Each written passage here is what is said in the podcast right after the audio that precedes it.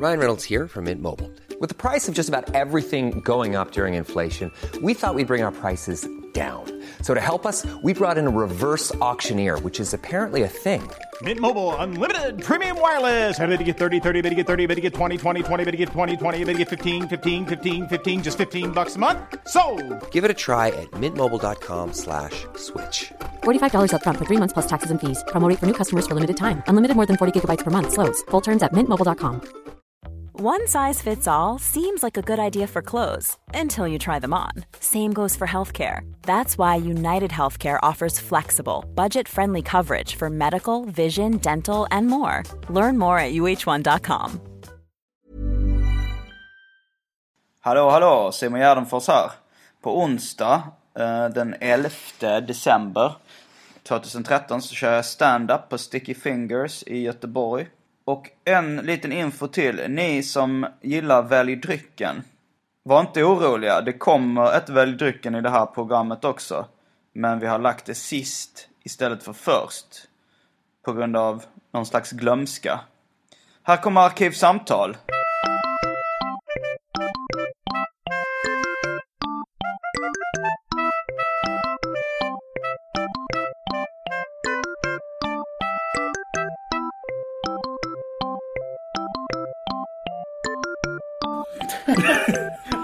Väldigt konstigt att, att de känner att de är i så direkt konkurrens med bananer. Att de måste smutskasta en frukt liksom, Ja. för sälja. Jo men det är väl, de tänker det, folk äter en banan efter träningen. Men Ja, precis. Men jag, jag, jag har aldrig tränat på det sättet. Jag vet inte riktigt. Men jag äter i och för sig en hel del bananer.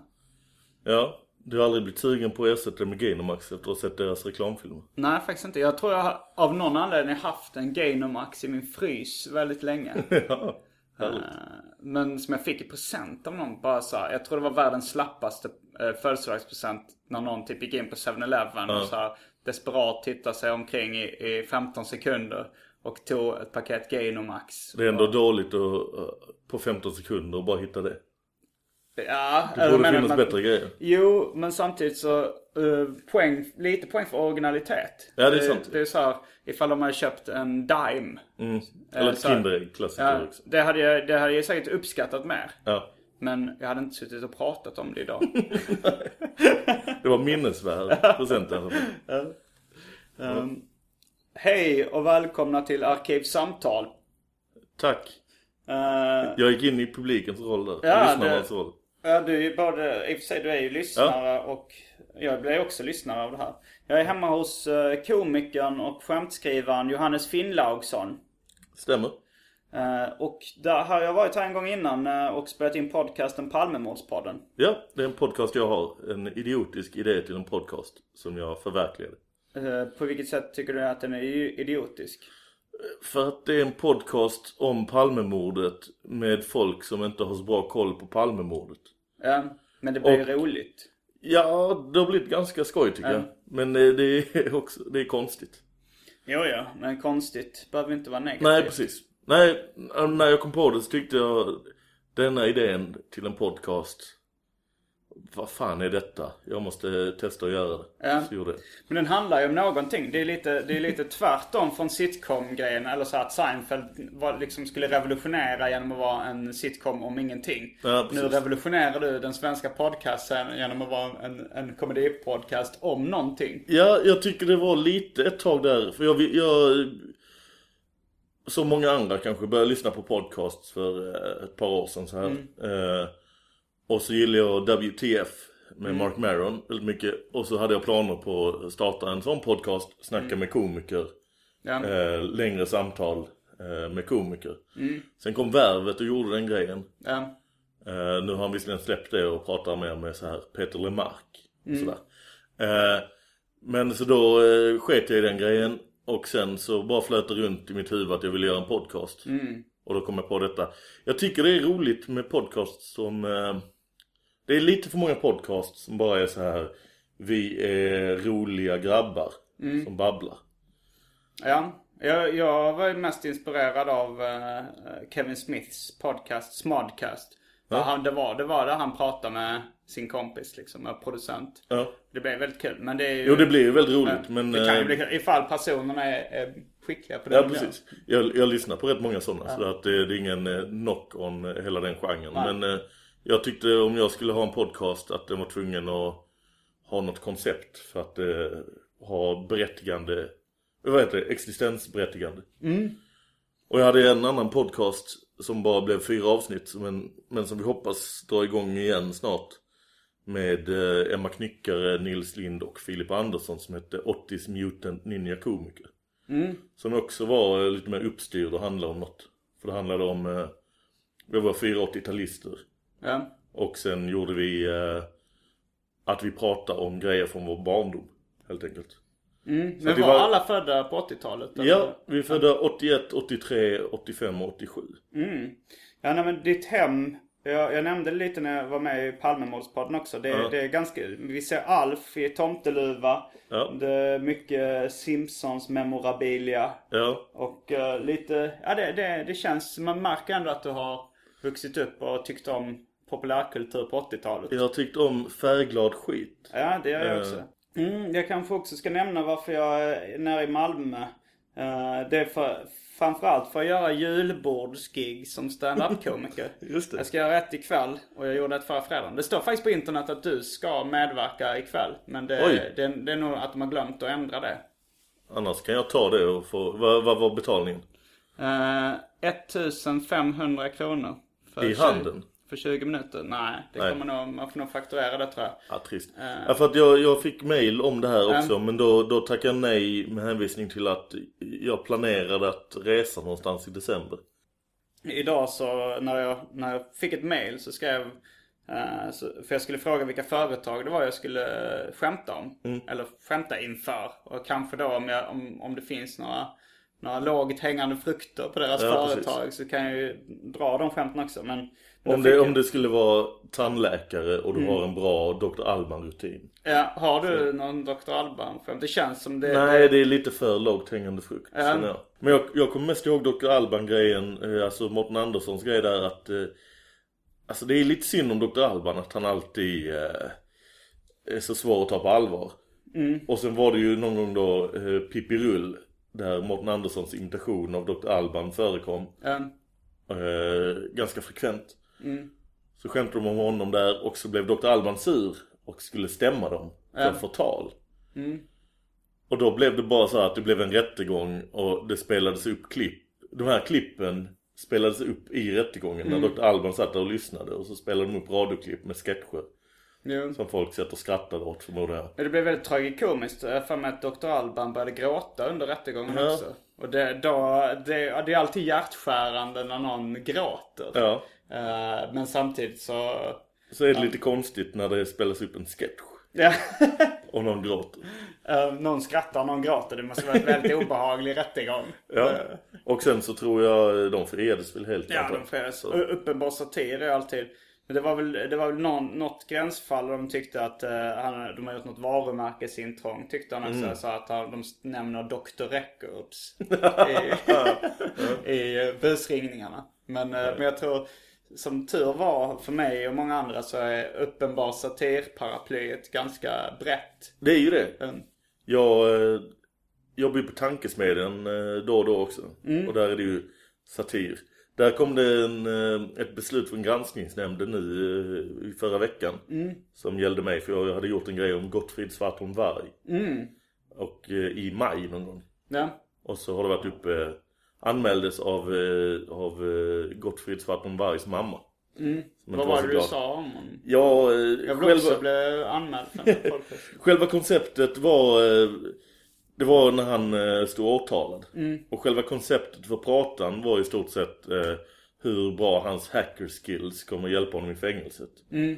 Och så var det saker om att han skulle omprogrammera en eh, tandborste till ett dödligt vapen Och känka en noob i tvättstugan och sådana saker Det finns ju en film som beskriver det. eh, som var baserad på 80-tals hackers. Jaha Uh, jag tror den heter War, War Games. Ja, är, är det den tennisskor? Har någon eh, inverkan på detta på något vis? Eh, nej, du tänker nog på, på den Disney-spelfilmen A Computer in Tennis Shoes. Ja, just det, det gör jag. Ja, då jag blandar ihop dem tror jag. Eh, som på svenska heter Är du en datagrabben? Vilken väldigt skojig svensk titel. Men, eh, men eh, Men den här, den här War Games, den är baserad på liksom en, den första hackern som hamnade i fängelse. Nu kommer jag inte ihåg vad han heter men, men, men han i alla fall gjorde sådana grejer i fängelset. Alltså i den här filmen då, inte på riktigt. Ah, Okej. Eh, att ungefär sådär. Så jag hade snott den helt enkelt. Men då, och sen innan då så förklarar jag vem Gottfrid Svartholm-Varg var. Och då kanske det blev lite slentrianmässiga eh, förolämpningar om hans eh, intimhygien och sådana här saker. Som jag bara utgick från eh, schablonbilden av en hacker. Liksom. Eh, Eh, I alla fall så gillade inte hans mamma det jag anmälde. Det blev friat med kritik. ah, Eh, där de i stort sett sa, eh, jag hade inga sakliga fel för det var också anmält för saklighetsfel. För att Mm. jag skulle ha sagt att han var dömd för eh, brott mot upphovsrätten när han bara var dömd för medhjälp till brott mot upphovsrätten Mm, och sådana saker. Men eh, eh, kritiken var att, eh, att det närmade sig personangrepp för det var så långt gående. Men Mm. Ja. enligt satir och stor flagg och bla bla bla Mm. bla bla. Eh, så Stor flagg är alltså då att man flaggar Stor för att det är var lite- satir. Att Ja. man säger tankesmedjan är ett satirprogram. De säger kanske inte det men... folk- Jag, jag, vet inte om stor flagg var rätt uttryck. Jag blandar kanske ihop eh, stort högt i tak och under satirflagg. Jag vet inte vad fan det blev. Men eh, i alla fall så eh, efter lång väntan så kom granskningsnämnden fram till att eh, det här var eh, inga problem fast det var lite dumt. Men vad skulle hänt ifall du hade blivit fälld? Eh, då hade väl eh, tankesmedjan fått lägga upp en eh, och berätta att de blivit fällda. Och sen kanske Sveriges Radio hade fått böta. Jag är lite osäker på det. Det är bara skampåle typ. Ungefär. Det- Ja. Mm, nej men det Jag här... hade inte blivit cellkamrat med Gottfrid. Det hade varit ironiskt. men, eh, men det här julbordsgigen kanske. Jag Mm. gjorde det tillsammans med eh, Olof Netterstedt. Mm, en eh, lite nyare komiker. Ja, han sa han har kört 15 till 20 gig. Mm. Och han är rolig. Eh, men det tyckte inte alla på ljudbordet. Eller det var... Jag, jag fick ett mail idag där det stod så att din kollega kommer inte idag då han inte kunde hålla sig över bältet med sin humor. Oj, blev det du själv då? Vad sa Nej, alltså grejen var att jag ringde eh, och sa det liksom att, eh, för det stod så här, då får du köra 20, gånger, 20 minuter gånger två istället. Eh, och det är lite svårt, om man, om man inte är stand-up-komiker kan man tro att det är lätt att hitta på 20 minuter skämt till. Eh, men jag är ganska ny också så det, det kunde jag inte. Men sen så, sen eh, eh, han, eh, Olof hade inte blivit informerad om att han hade blivit avbokad heller. Så Nähä. att han hade liksom ändrat sina skämt och förberett eh, ett lite... Alltså det, det var väl att han skämtade mycket om snusk och, och använde mycket fula ord och sådär som, Ja. som var problemet. Men eh, de hade fått eh, avbok, eller så här, de hade betalt peng, tillbaks pengarna till något företag till och med som hade krävt det. För de hade Oj. blivit så äcklade av ljudbord, de hade tappat aptiten. Fan. Siltan gick bra men, men snuska skämt och tappade man Ja, rasismskämt skrattar de eh, väldigt hjärtligt åt. Ah, okej. Rasi- eh, eh, Var det så klassiskt så här företag, alltså massa farbröder i slips och skjorta? typ? Ja, det var tanter och farbröder mest. Och sen så liksom säkert massa i min ålder men som jag inte känner att de är, tillhör med mitt folk. Eller liksom min, min grupp. De är säkert, liksom, jag tänker så här, det är några tanter och farbröder men det är 35-åriga eh, folk som jobbar på kontor helt enkelt. Ja, vad, vad var det för företag förra gången då? Eh, det var ett som hette Almig. eh, och ett, de gjorde kompressorer tror jag. Eh, och sen var det något teknikföretag som hette Bengt Dahlgren. Jag tänker inte på han med page i Skilda Världar. Bengt Ja! Dahlqvisten och sånt. Bengt Dahlqvist. Eller Dahlström. Nej jag vet inte vad han Det var, ja, är inte han så här Hans enda claim to fame förutom uh, Skilda Världar Mm. Är att han eh, lite omotiverat så här eftersom han är totalt bortglömd idag Mm. Omnämns inte han i några så här gamla hiphop-texter från den tiden med Va? liksom att han ska spöas och så här. Ja, är, Jag har för mig att det är något sånt här namn som dykt upp och jag har undrat vem fan är det som har googlat så visade det sig att det var en skådis Ah, i... eh, Kan det vara typ ungdomshälsan Något eller sånt kan det eh, vara det. retarderat eller värre eller något sånt. Jag mig att de nämnde sådana. De tar... Eller, eller tänker du massa... Jo men jag tror det, det var nog den genren. Det kan Nej men för han hade även en musikkarriär. Och Jaha, han, det är han därför. Hade, nej men han ju släppte en låt som spelades på P3. Eh, som jag inte kommer ihåg vad den heter. Men jag kommer ihåg eh, att, den, eh, att en textrad var Jag köper blommor och apelsinchoklad. Eh, och han blev väldigt hånad i något P3-program för just de, de raderna också. Den spelades rätt flitigt.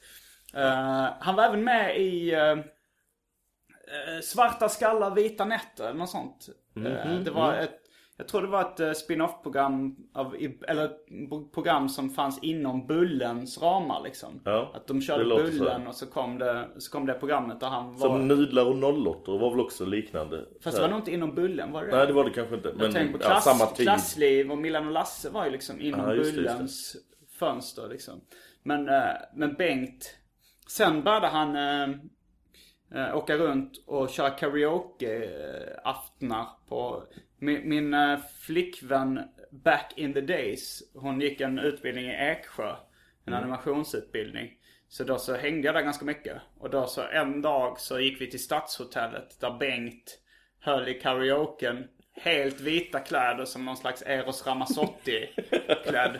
Så det finns ett foto på mig och honom där jag står och har kört någon, någon låt. Kanske I'm the Scatman med Scatman John. Jag försöker alltid ta mig vatten över huvudet. Men... Men är det, du kan den ganska bra? Det Nej. är att du vill eh, stoltsera liksom. Ja men jag tycker det är roligt. Det, är- det är så svårt. Ja. Alltså det, när man ska ha de här skibbidibidibidibidibidibidibi.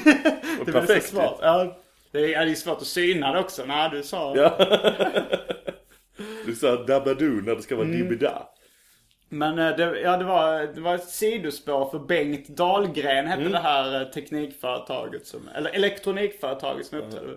Men först så kom det ut en kvinna till, eh, till Olof, den andra komikern. Och sa att, att hon blev väldigt illa berörd och att hon, hon tyckte inte det var roligt. Och, fruktansvärt. Och hon tyckte han skulle gå i terapi för, sin egen skull. Det, är en bra, det är ju en bra grej att få sagt till sig. Det känns Mm. som det är upplägg till framtida skämt. Jo. Som ju han eh, drog häromdagen. Ja. Han var på Stug på besök. Ja. Och även, eh, det är bra på en plansch. Ja. och Han det- borde gå i terapi. Alltså man vill ju vara, alltså så här, jag blir såklart glad när eh, folk säger så här, eh, att man har sjuk humor och så. Ja.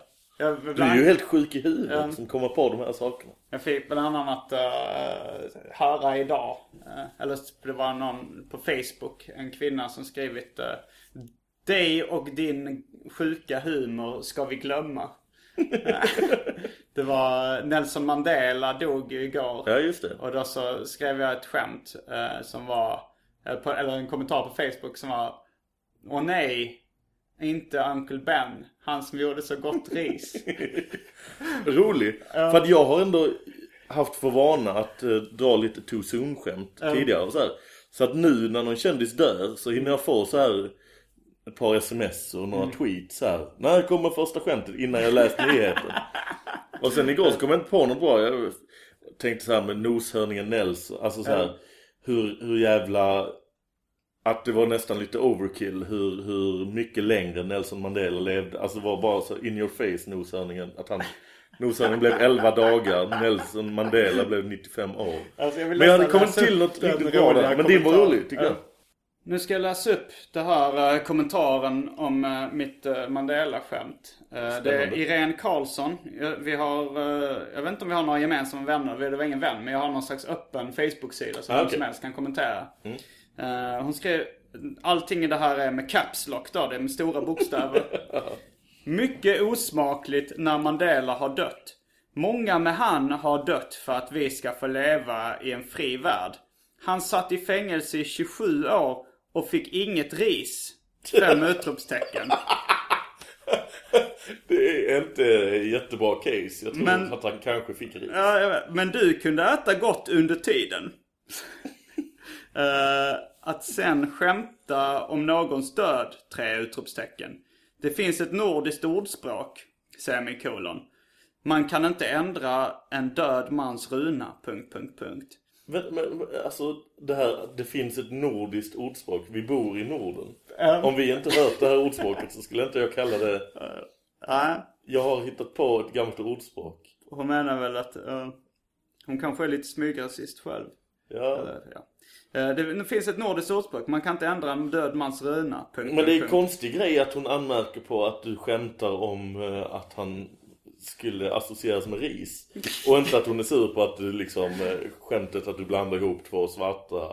Nej, det är väl det som man skulle en- kunna en kritisera det för. ja, det här, precis. alla svarta ser likadana ut. Ja det är det som själva Eller alla svarta på. gamla med vitt hår. Ja precis. Men eh, man kan inte ändra en död mans runa. Vi kommer komma ihåg honom med stor kärlek. Dig och din sjuka humor skall vi glömma. Punkt, punkt, punkt. Men det är, det är härligt när folk är så tydliga. ja, Och skriver med all caps och sådär. det är väldigt roligt. Men jag undrar också... eh, Det är jobbigare när någon har kritik och verkar vettiga i övrigt. Och säger Ja. att man är en idiot. Men, eh, ja, jo det är det ju. Det är, Mm. det, är jobb, det, det är bara roligt när det är någon korkad som kritiserar en. Men, men det roligaste tyckte jag nästan var det här att hon eh, skrev att han inte fick något ris dels. Mm. Eh, och att jag åt gott under tiden han satt i fängelse i 27 år. Dels var jag ett barn. Ja. Väl, alltså jag inte, var inte född står det hela tiden. Men sen så liksom, när han släpptes var jag ett barn fortfarande. Men eh, jag vet inte om hon själv satt och liksom hon åt, hon liksom i, i solidaritet med honom så kanske hon inte åt så gott då liksom. Hon har satt- verkligen inte ris.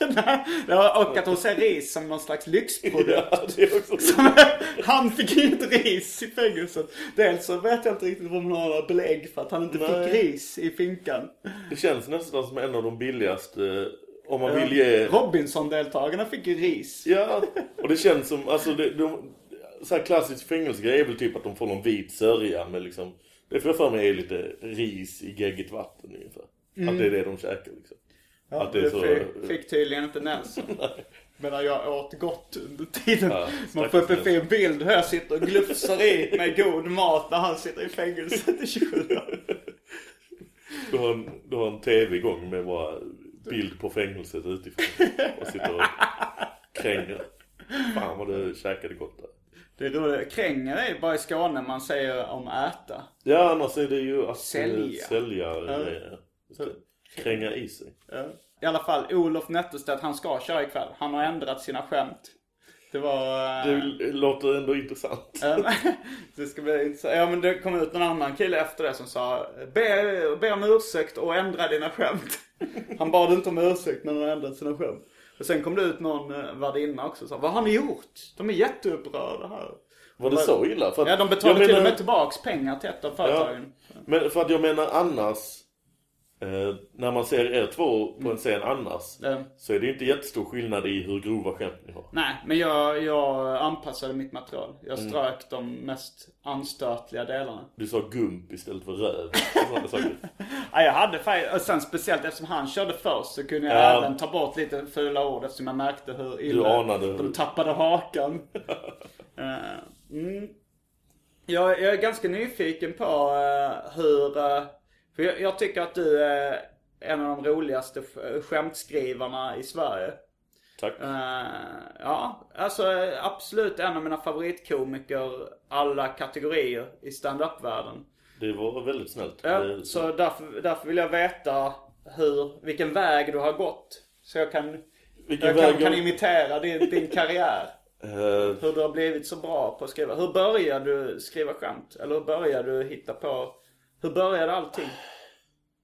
det, det är lite svårt att säga Nu när jag tittar tillbaka På min barndom Mm. Ja. Så inser jag liksom något som jag inte riktigt tänkt, tänkt på eh, under ett bra tag Att jag tittade väldigt mycket på humor när jag redan som eh, liten Mm. Jag uppskattar humor i eh, Alltså om det, om det fanns så här barnskivor, så här smurfarna eller Ja. Trasan och bananer eller så här.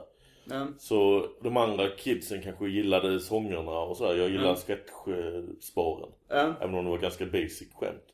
Och sen läste mycket serier. Allt som var humor liksom eh, drog jag i mig. Mm. Och tittade på den humor som fanns på tv liksom.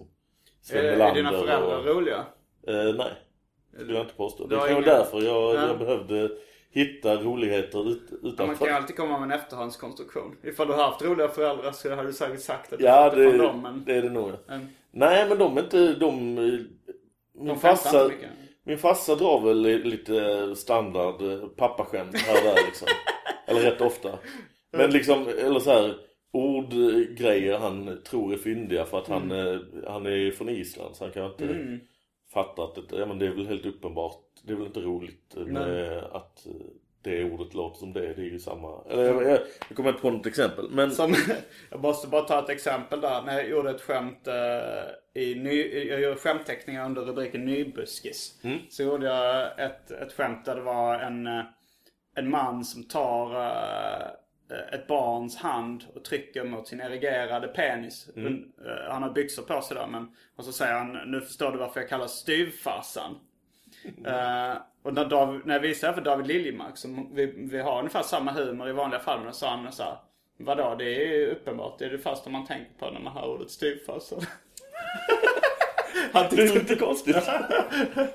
att han alltid tänkt att styvfarsa är synonymt med Ja, ja, men han tyckte, Ja. han tyckte det var för, för uppenbart skämt. Ja. Men, eh, som din Man har pappa, som du tyckte om dina pappas Ja, skämt. Han kanske var rolig i sin eh, ungdom. Jag vet inte.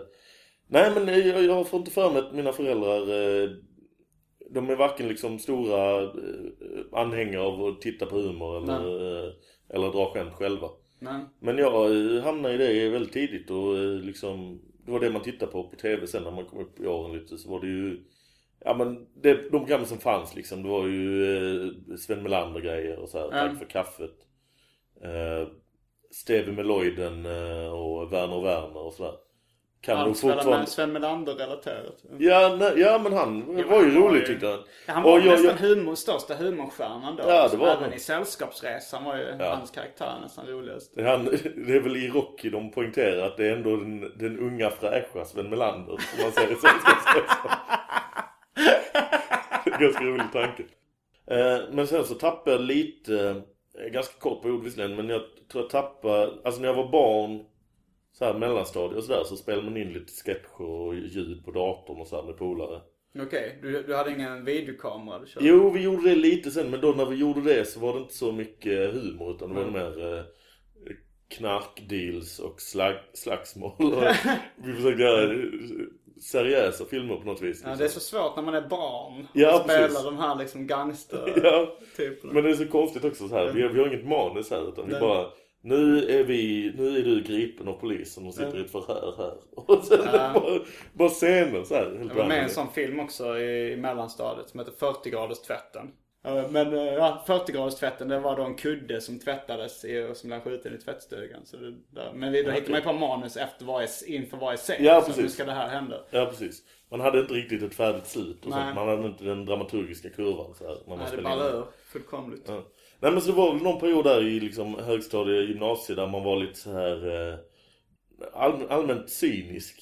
Och då slutade så här, ja det var väl kanske, man gillar ju Killinggänget och så här men Men då helt plötsligt så var det lite töntigt med att, att försöka få folk att skratta och, eh, och gilla, gilla humor och så som man hade gjort innan. Var det, vilken stad? Eh, Lund, Okej, vilken skola var du i? eh, Katedralskolan. Men det gjorde ju att jag var i den, jag var i den här perioden då där jag var liksom så här. Jag gick också där faktiskt. Ja, okej. Men eh, vad är du, 70... 78. 78, okej. Så då kanske vi gick samtidigt eller? Det borde vi väl gjort då ett år, jag är 88. Mm. Man var väl lite allmänt så här eh, pessimist och cyniker och så här. Nej jag vill inte vara med ett gäng, det, det är bara dåligt de här. Så jag hamnade aldrig i liksom spexvärlden heller Nej. när jag var student. Jag hamnade, aldrig i studentvärlden. Men du, du, är du född och uppvuxen i Lund? Ja, Och du stannade där och pluggade efter gymnasiet? Nej, jag pluggade eh, ett år engelska på universitetet bara för att eh, jag inte visste vad fan jag skulle göra. Mm. Och sen så eh, drog jag mig ganska långt därifrån till Dalarna. Om jag. Mm. Men det var, det var liksom att Vad gjorde du min, min, Dalarna? ja, det var att det fanns en mediekommunikationsutbildning med manusinriktning och så kändes det som en bra grej. Mm. Sen var det en ganska dålig grej. För att det var ju högskolan Dalarna kom man upp och så märkte man direkt att detta, jag förstår varför ni inte får heta universitet. Detta Mm. var inte så bra. Men du ville jobba med den typen av... Ja, jag, det var väl liksom, ja, så här, skriva manus. Jag hade väl inte formulerat så eh, innan det, Men, vad jag ville göra liksom. Men jag, men skriva manus, jag är bra på att skriva tänkte jag. Mm. Det var jag i, i skolan också så här. men skrev du eh, på fritiden också? Alltså noveller och sånt? eller? Nej, inte direkt. Utan det var liksom, men under skoltid så tyckte jag det var väldigt roligt. Ja. Att så här, nu, har ni, nu ska ni skriva, så skrev jag. Och så skrev jag humorgrejer. Mm. Liksom. Och så var man väldigt influerad av Python så, där du Mm. jobbade lite grann. Ja. Eh, men det var kanske lite senare. Ja, jag började faktiskt i, alltså började teckna DJ Röv och sånt i trean på gymnasiet. Mm. Men just den perioden när jag var som mest inne på Python så tror jag inte Didier Röv hade kommit utan det var nog när man var 12 eller något. Ja, men då, då var jag också, då tecknade jag inte i Python. Nej. jag var 12. Men då var jag stor fan. Alltså Ja. när, jag var, när jag var 12 till 14, precis när den kom. Ja. Men, eh, Jag tror jag upptäckte den eh, typ ett halvår efter det första numret kommit ut. Och så, så att jag var ändå hyfsat... Eller det var när man väl upptäckte den så hade man, eller kanske ett år så här tillbaka och jag hittade gamla nummer. Så. ja men det var ju verkligen, eh, alltså så här, hjärnan exploderade lite grann. Ja. När man läste Python. Ja, precis. så, jag har inte sett nå- något i den stilen innan riktigt. Men det var ju perfekt timing också med ens ålder ju. Ja. Eh, Med liksom att man var... Puberteten. Ja, precis. Man tyckte sådana grejer var... Men så du skrev eh, uppsatser i skolan som var inspirerade av Python? Jag minns inte om de var inspirerade av Python men jag, jag minns att jag försökte få till humor liksom. Och sen Mm. tror jag det var alltså att man lite slentrian slängde in så här som karaktärer eh, folk som gjordes narr av i kan jag, eller både Python och Mad var det väl innan Python men så här, Ja. så att eh, helt plötsligt var Sivert Öholm som jag väl inte hade någon jättestor relation till som 12-åring med som en, som en knasig figur i någon Figge. Mögholm tror han hette. Joakim Lindengren gjorde mycket med Figge Mögholm. Där han bland annat körde upp regalskeppet Vasa i Rektum och Ja. liknande. Ja men så var väl sånt. Så att egentligen, alltså när jag tänker tillbaka så jag hade liksom inte planen någonsin eller illusionen om att det gick att jobba med, med humor. Nej. Sen när jag bodde i Dalarna Um, så startade jag en polare där eh, som då också, ja, vi kollade mycket på humor där. Då var det att man laddade ner eh, ståuppshower och så här. Eh, och eh, sen eh, startade vi en hemsida som hette Bojahed. För att han, min polare, kunde bygga hemsidor och jag ville, vi gillar humor. Jaha, var det ni som startade den? Ja. Den känner jag till men jag vet inte. Det bara ringer ett vagt minne liksom. Det det var var i stort sett en The Onion eh, rip-off till en början. Jaha. Att vi skrev eh, nyhetsparodier. Eh, man skrev notiser och artiklar liksom på... Det var väldigt eh, The Onion-inspirerat helt enkelt. Sen så växte den och blev lite andra grejer. Vi gjorde bland annat eh, en lista. Det var också bara att vi kom på... Alltså man, vi gjorde, ville det var mycket parodier på vad som fanns i annan media. Och då fanns ju de här 69 sexigaste listorna. Så skulle vi ha 69 osexigaste. Tyckte vi bara var en rolig korkad idé. Och sen så kom vi på idén att vi skulle bara hitta 69 kändisar. Skriva en diss om, en motivering om varje, Ja. varför de är osexiga. Och så var det... Så blev det liksom att man skrev, så det blev ungefär som eh, roast, man skrev liksom ett roast-skämt på varje Ja. liksom. Eller en taskig grej om eh, varje kändis. Och mycket mer jobb än man eh, tänkte på. Skriva Ja. 69 sådana. Men fan med, alltså det var, det var lite så här eh, underground rappare och sånt som hamnade på de listorna också. Så det kanske såhär Fronda. Fronda var med. Har jag för mig. Alltså så här, jag hängde mycket på wow hiphop communityn då. Så jag för mig där länkades det nog lite Mm. så här. Det var kanske, men... eh, Jag tror, ja men det var bara för att jag just då lyssnade på, eh, ja det var väl de här eh, MBMA och, och så här, så hade väl Fronda precis liksom blivit en sån här, sån man skulle tycka var töntig. Den mm, Sivert Öholm, vad Sivert Öholm var i Python. Ungefär så.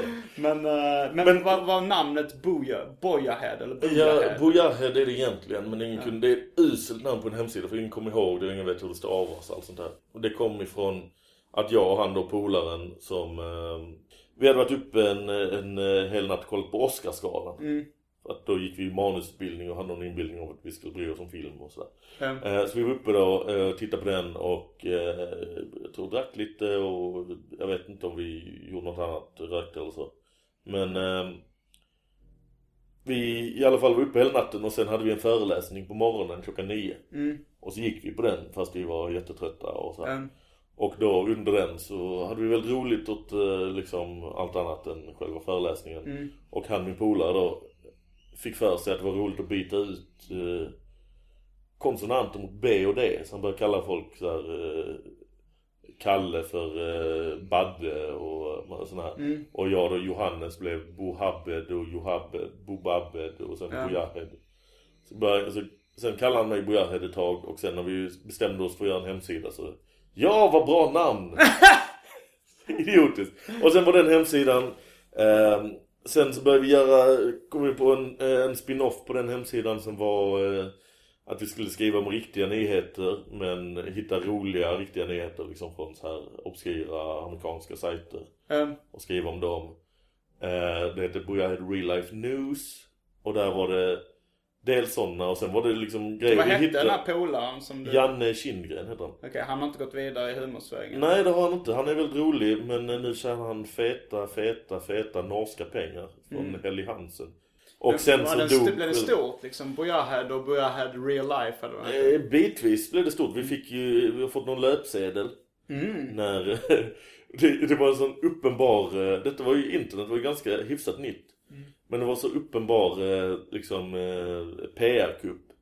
Det var att vi eh, skrev ut vem som vann Robinson den säsongen. Jaha. Jag tror det var andra säsongen eller tredje säsongen av Robinson. Ehm, Och grejen var att vi visste inte, vi bara chansade på en som, som, en, som vi tyckte så här, klippningen verkar som att de sparar på honom, han kommer nog Han är nog med ett tag. ehm, Och så skrev vi ut att han vann. ehm, Och sen Och sen så trodde folk på det i eh, två månader eller hur länge För han var med fram till finalen och då kom han trea eller sånt där. Han Så att vi hade ändå flytet där. Men det var Men verkligen trodde, löp, var det Aftonbladet eller Expressen? Eller? eh, Jag minns inte Men de trodde på er? Så- Nej, jag tror de skrev så här hemsida på nät. Jag tror de kanske inte visste, i alla fall hundra eller så här. Nej. I alla fall inte den som skrev artikeln. Skrev liksom, för vi, och sen skickade vi ut det till liksom pressmeddelande. Ja. Ny, ny humorsajt, lansera, bla bla. Mm. Och så var det liksom, artikeln var i stort sett att de ringer upp eh, Strix eller vem nu var som Mm. gjorde programmet. Och så här, vad tycker ni om detta? Så ja, vi vet inte om de har några, någon insyn. Mm. Och, och sen stod det i artikeln att det var en humorsajt och grejer. Mm. Dels, då fick vi uppmärksamhet, sen fick vi uppmärksamhet när Billy Butt, men, eller det var inte så mycket, men han ville, han hotade med att stämma oss och så. För vad? För att. För att han var med på eh, Sveriges 69 osexigaste Mm. listan. Den gjorde vi varje år. Han var Mm. med på, jag tror, typ tredje plats varje år. Ehm, Men i alla fall, Men så där, var- där lärde jag mig, det var lite min eh, skola då att, att skriva humor Mm. i mer vuxen ålder. Men det var, helt, det var liksom helt ideellt projekt. Ni Ja. hade inga annonser eller Vi hade lite annonser och försökte men vi tog det aldrig så seriöst. Så Mm. Vi fick väl några Google Ads, liksom några så här, men jag tror det på det stora hela gick back liksom. Mm. Eh, så det var bara liksom för vi ville Vad var det som kostade pengar? Nej men, eh, nej jag tänker kanske inte back men det kostar väl med domän och bandbredd Ja. lite så. Men eh, det var mest att det tog en massa tid och Ja. inte gav något egentligen. Eh, och sen var vi ju ganska anonyma och så. Medan jag var uppe i Dalarna så skrev jag lite för ett program som heter Godafton Sverige. Som var ungefär som SNN News är nu. Eller ganska Mm. väldigt likt det. Och ganska samma personer, David Helenius och Peter Magnusson och sådana Mm. Och hur hamnade du där? där hamnade jag genom att jag och min polare läste att, eh, att det skulle göras ett nyhetssatirprogram. Mm. Vi tänkte vi gör en sajt med nyhetssatir. Vi borde få skriva för detta programmet. Ja. Vi skrev ett mail till Peter Zetterman som Mm. vi bara chansade hade mailadressen peter.zetterman.beluba.se Baluba var nystartat va? Ehm, Mailade vi till honom och skrev så här ett, ett överdrivet kaxigt mail för att Mm. vi tänkte att eh, vi kommer ändå inte få jobbet. Mm. Jag gick bara och skrev ett kaxigt mail vi kan lägga upp på hemsidan sen. Mm. Och så var det så här, hej, vill ni att detta ska bli en succé måste ni anlita och bla bla bla. Mm. Och så fick vi svar så här någon dag senare. Det här låter jätteskoj, eh, vill ni eh, bara komma ner på ett möte? Och sen var det ju, det var ingen superbra deal, det var att vi skrev skämt och fick betalt per skämt som användes i programmet. Mm. Och vi skrev inte sketcher utan vi skrev skämt liksom. Mm. Men det var första så här när jag skrev eh, skämt till TV. Men det var några år innan då och sen lades det här programmet Nej, det var en intressant väg till att du började skriva till Ja. TV liksom. Jag tror det Jo, är rätt det originell. Ja, nej men jag tror det är lite så för att sen var det lite så med Robins då som jag skrev för Mm. sen. Och det var ju några år senare. Då var det, jag hade flyttat tillbaka från Dalarna och insett att det där var, var mest skit. Och sen eh, hade jag börjat plugga journalistik i Lund. Mm. Läste två journalistlinjer. För att då var jag i läget att jag har bara två år kvar på min CSN. Mm.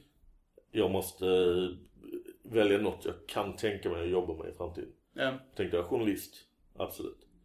Så läste jag journalistlinjen och sen när jag var på väg ut där sista säsongen, eller sista terminen. Mm. Så tänkte jag så här, eh, nej men eh, vi kanske gör en sista chansning på det här med att skriva humor istället. Mm. Du ville hellre det då? Eller när du fått Ja, ja precis. Jag tänkte ju inte att det skulle vara, att det skulle vara liksom en, eh, tänkbar karriär. Liksom. Nej, Du gick på CSN då när du skrev åt eh, Balura Ja. och Robins? Ja, precis. Mm. Nej, inte åt Robins till att börja med. Men, eh, Men Robins där var det sista terminen på journalistlinjen och då skulle Okej. jag ut där. Så hade Robins gått en säsong. Mm. Eh, och jag tyckte det var ganska skoj. Mm. Så jag mejlade till dem när jag såg nyhet om att de skulle börja andra säsongen. ja. Då var ju det nyheten om en vecka börjar andra säsongen av. Mm, mm. Så mejlade jag dem och frågade så här. eh, Och då, då hade jag lite... Då hade jag Bojahead, jag kunde skicka länkar till grejer jag hade skrivit Mm. och så här. Och jag skrev för några år sedan för det här går Afton Sverige. Mm. Och så skrev de att eh, nej redaktionen är full tyvärr. Mm. Men sen till säsong tre så var det ganska stor omsättning av eh, manus. Mm. Eller de skulle, ja, de behövde två nya manusförfattare helt enkelt. Ja. Eh, och då eh, av ren schyssthet var det väl så lät de folk som hade hört av sig och var intresserade provskriva. Mm. Så då provskrev jag. Och har jag fått reda på i efterhand eh, provskrev en massa Malmökomiker också. Mm. Som eh, sen väl var förbittrade på mig utan att ens ha träffat mig. Eftersom jag tog deras jobb. Jag du ska nämna många... namn.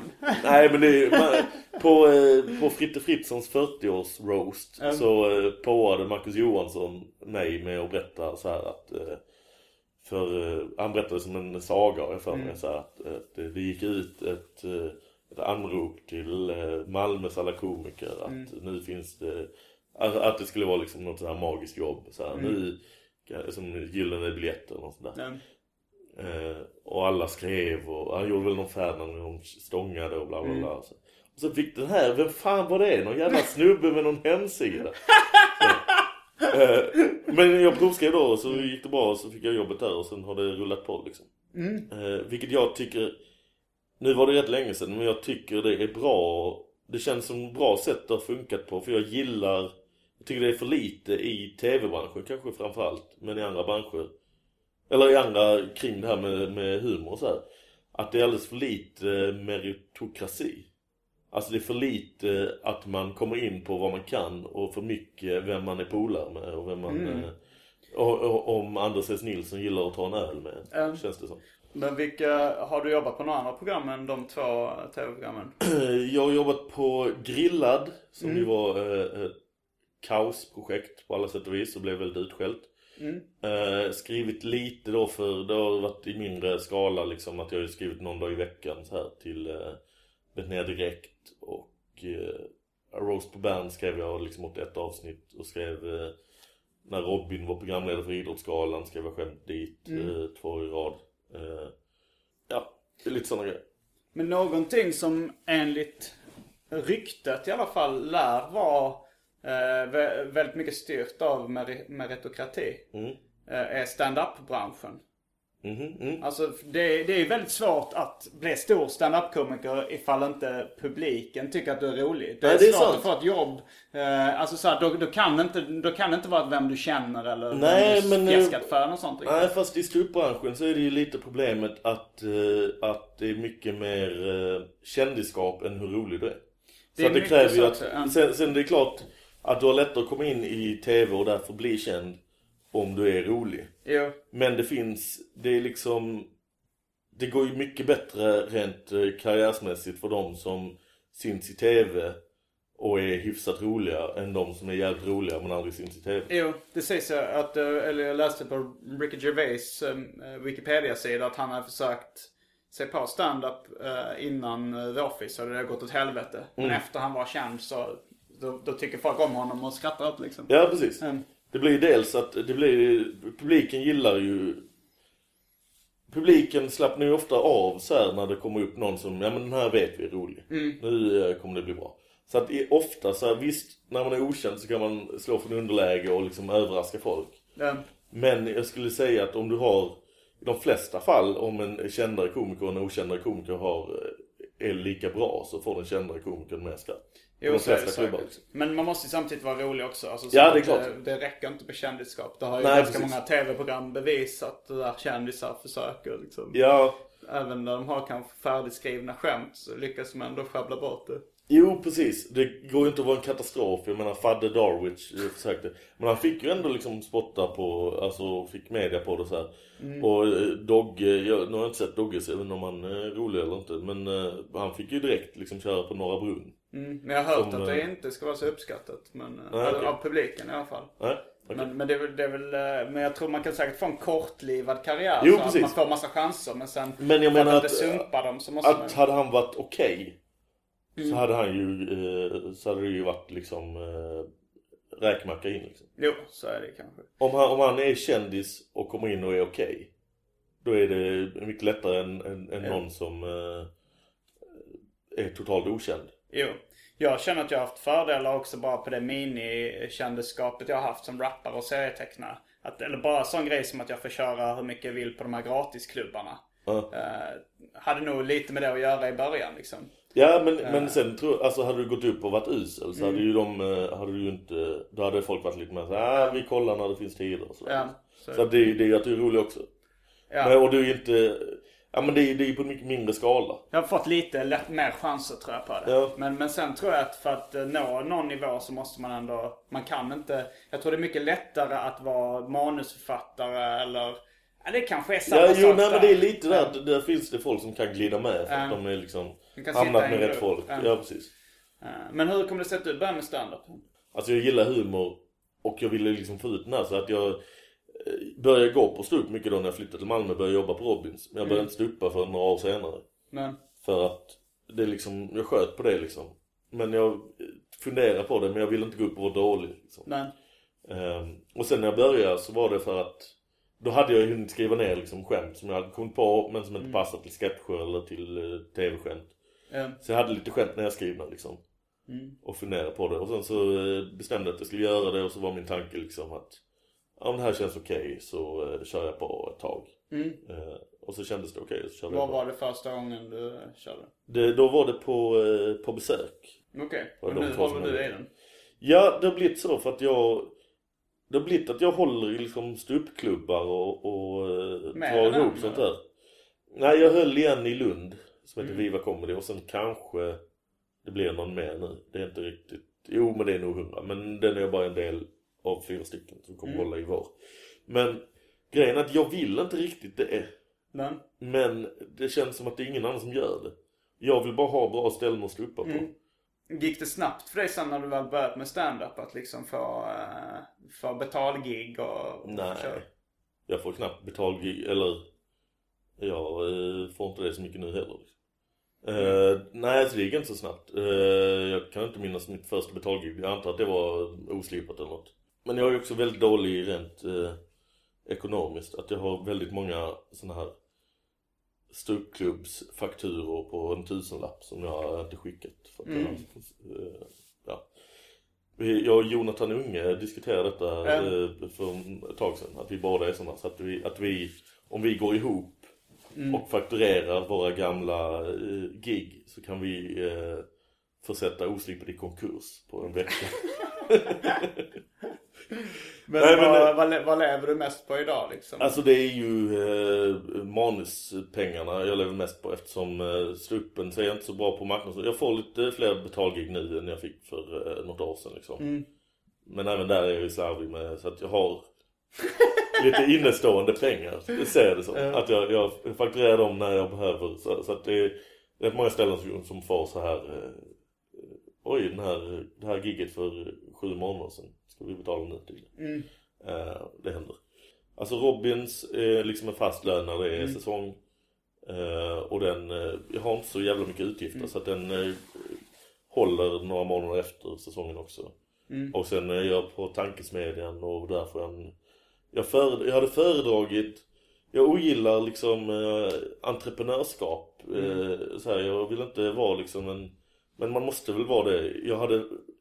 Om du räknar det var att skitsoft. skicka en faktura så. Nej men, det, nej men också att sälja in sig själv och Ja, hitta liksom eh, Det jag hade önskat var liksom att jag bara kunde dyka upp på ställen, vara jävligt rolig eh, Och dricka någon öl, gå hem Nästa dag vara på något annat ställe, vara jävligt rolig, gå hem Och att det bara flöt in Och att jag bara kunde leva i någon jävla planekonomilösning Att jag bara så här, någon bara sa till mig så här, Ja, eh, nu får du eh, Du får bo i den här lägenheten Du eh, får så här mycket pengar varje månad att röra dig med du eh, får resa till något fett ställe var tredje månad.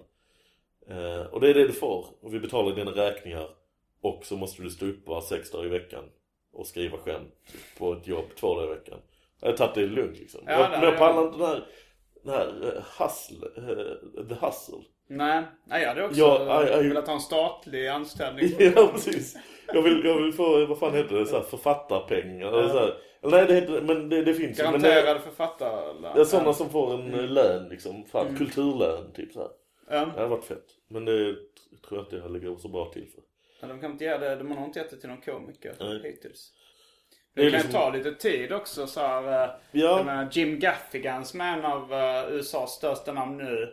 eh, han sa att de första sex åren han körde så var det, så var det bara, bara en som han visste som tyckte han var rolig. Liksom någon annan komiker som lät honom köra på olika ställen. Mm. Ja. Och sen efter, efter 20 år så, så nu är han typ en av USAs topp 5 Ja. komiker. Fast det jag, det jag känner, alltså det, det Sånt är helt eh, spännande att se och det händer ju mycket mer i USA. När folk kör väldigt mycket.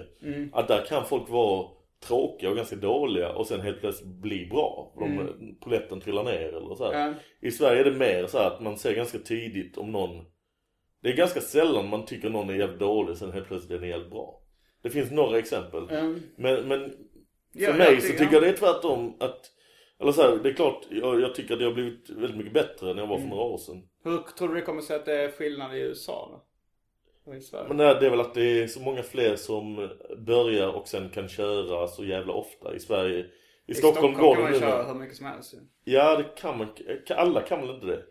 Ja, Om någon är riktigt dålig så får väl inte den köra varje, Nej, varje men jag gång tror, jag tror säkert att, eh, jag tror, jo alltså det, det finns ju de som eh, inte är speciellt bra som får köra extra mycket Ja. också. Liksom. Ja men då kanske de, eh, alltså de har ju, eh, då har ju de chansen att bli bättre Mm. liksom. Eh, Men hade du tyckt det var roligast med, hade du, om du hade kunnat bara köra stand-up, hade du gjort det då? Eller hade du även skrivit eh, skämt och manus och... Ehm, jag hade nog velat i alla fall testa på ett tag och bara köra stå upp. Men, och det skulle jag kanske kunna göra. Alltså vi, vi, det finns ju folk som eh, lever på det men, men då ska man ju också vara bra på det här som jag inte är så bra på. Att, att, eh, skaffa sig gig och sådär.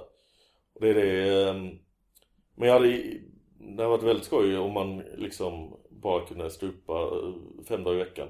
Mm. Någon annan skötte se till att man fick de här spottarna. Ja.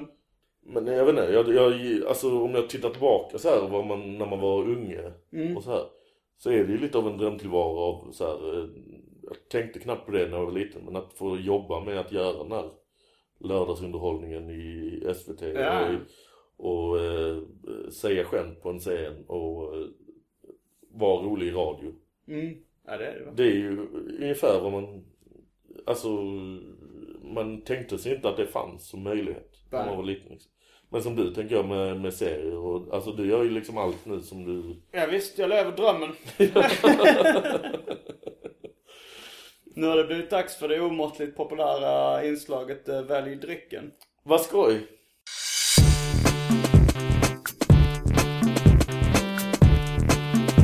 Börjar med det fasta inslaget Välj drycken! Jag, jag glömde det, jag brukar ta det i början annars. Ja, Och eh, jag har inte med mig någon dryck. nej och jag har, eh, som jag tror vi nämnde i Palmemordspodden um, så har jag inte så mycket dryck här. Jag har eh, kranvatten. mm. Jag har, jag tror jag kanske har mjölk som inte är utgången i kylen. Det är, Okej. inte, det är inte alltid, men jag tror jag har det nu. Jag har också en julöl från tre jular sedan tror jag. Ooh. Som jag fick av någon. Och sen har jag, eh, missade jag det den julen. Och sen har den bara legat kvar och nu ligger den kvar lite av princip. Jag Att det, tycker... det, det blir lite... Men ska vi ta och, den nu? Och sen har vi en Rosita. Oj, oj, oj. Jag ser även en passoirflaska. Du har en Den kanske är jättegammal. Jag Ja. vet inte. Den, Men det, sprit har ju någon slags konserverande effekt. Men Ja. jag tycker den här julölen är väl... eh, li- jag vet inte, eller du kanske vill behålla den av princip ännu längre? nej men är inte den, eh, den är väl inte drickbar? Är den inte det? Om den är utgången för två och ett halvt år sedan. Jag har ingen aning. Men då får vi ta lite Rosita då helt enkelt. Fast, tar lite Rosita. men jag menar Josefin Ginder drack en 13 år gammal eh, lakritsfestis från min kyl. Och Och nu är hon idag. död. Så, ja, nej men jag vet inte. Jag vet inte om jag längre har ambitionen att vara flippig på det här Jackass-sättet. Att jag ska dricka en gammal julöl. Och jag vet inte hur, hur kul folk hade tyckt det var att lyssna på. När ah, hör, han dricker Öh, en gammal julöl. Men Rositan är också, eh, den fick jag i födelsedagspresent Ja, i år. Som, jag. eh, som ett skämt så här. Det är Haha, komisk effekt. Rosita. Ja, det, är- Ja. det är det verkligen. Det är en snygg, eh, snygg flaska också. Men ska vi ta eh, Ja, vi den? det. Den är inte kyld. vad, men vad det- dricker man den för Det glas? kan bli kanske ännu mer komisk effekt.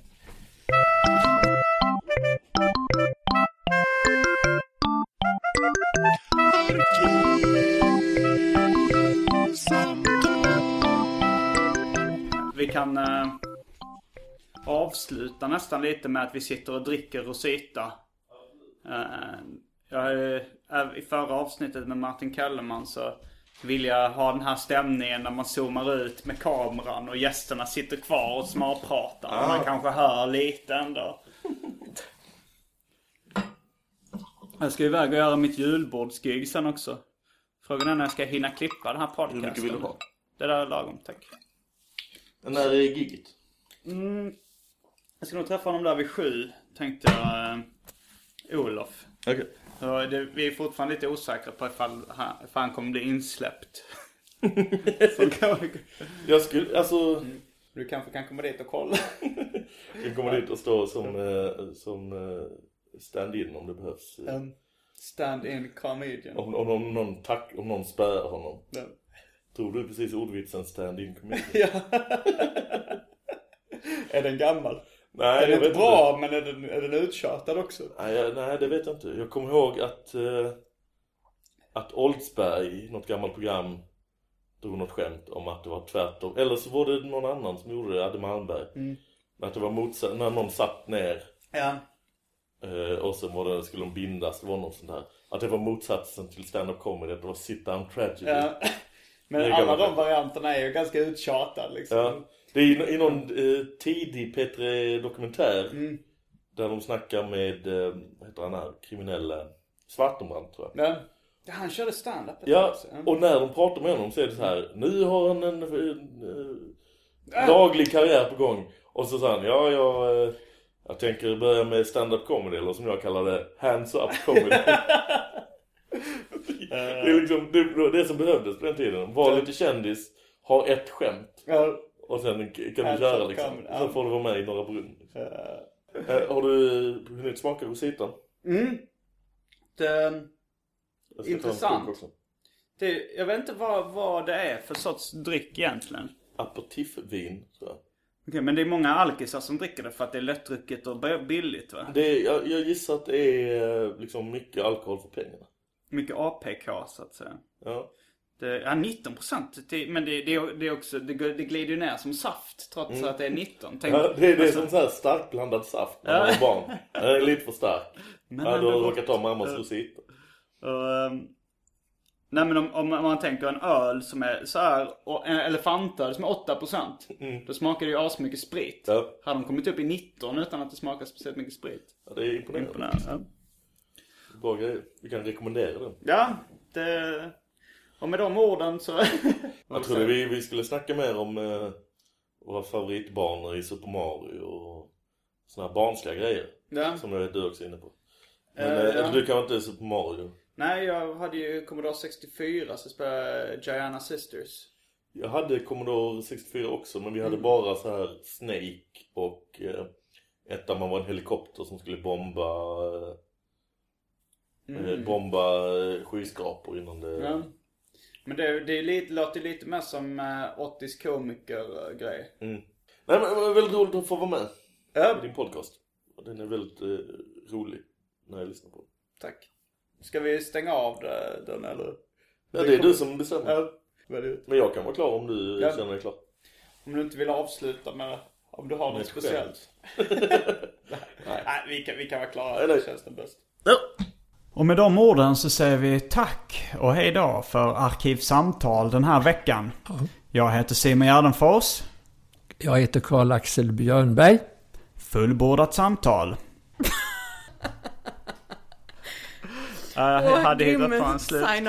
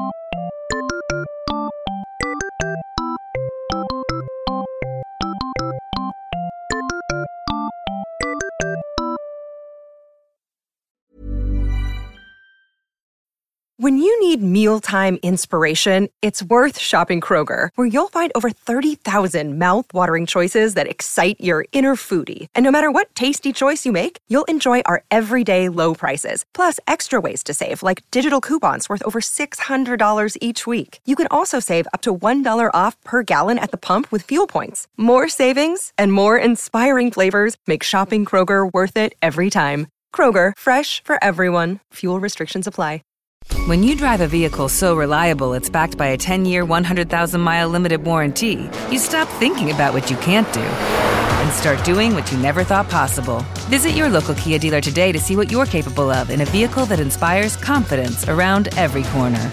Kia, movement that inspires. Call 800 333 4KIA for details. Always drive safely. Limited inventory available. Warranties include 10 year 100,000 mile powertrain and 5 year 60,000 mile basic. Warranties are limited. See retailer for details.